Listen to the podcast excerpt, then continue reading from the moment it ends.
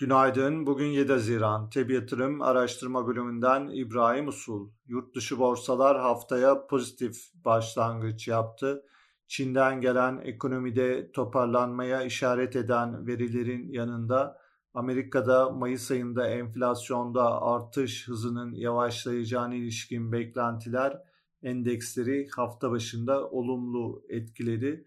Bu sabah Amerika'da tahvil faizleri yukarıda 10 yıllık ABD tahvil faizi yeniden %100 seviyesinin üzerine döndü.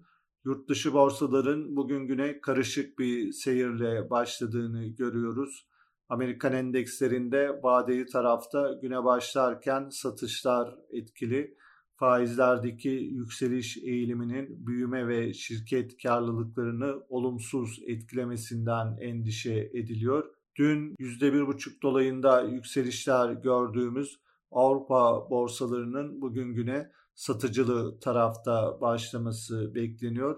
Asya borsaları hafif yukarıda. Petrol fiyatlarında yükseliş eğilimi devam ediyor. Brent 120 dolar sınırında. Küresel veri gündemi bugün sakin, daha çok piyasa hareketlerinin takip edileceği bir gün olacak. Perşembe günü Avrupa Merkez Bankası faiz toplantısı bulunuyor. Amerika'da cuma günü enflasyon rakamları gelecek. Borsa İstanbul tarafında da yeni haftaya pozitif başlangıç yaşandı. BIST 100 endeksi dün günü TL bazlı yeni bir tarihi zirve ile 2640 direncinin üzerinde tamamladı. Bugün de Borsa İstanbul'da olumlu seyrin korunmasını öngörüyoruz açılışta küresel piyasalardaki satışların baskısı olabilir. Endekste 2640 seviyesinin üzerinde yükselen hareketin teknik olarak 2750-2900 bandına doğru sürmesi beklenebilir. Aşırı alıma hareket eden kısa vadeli göstergeler dikkate alındığında endekste ara dirençlerde zorlanmalar, kısa süreli realizasyonlar görülebilir. Bugünün önemli destekleri 2620 ve 2585 seviyelerinde.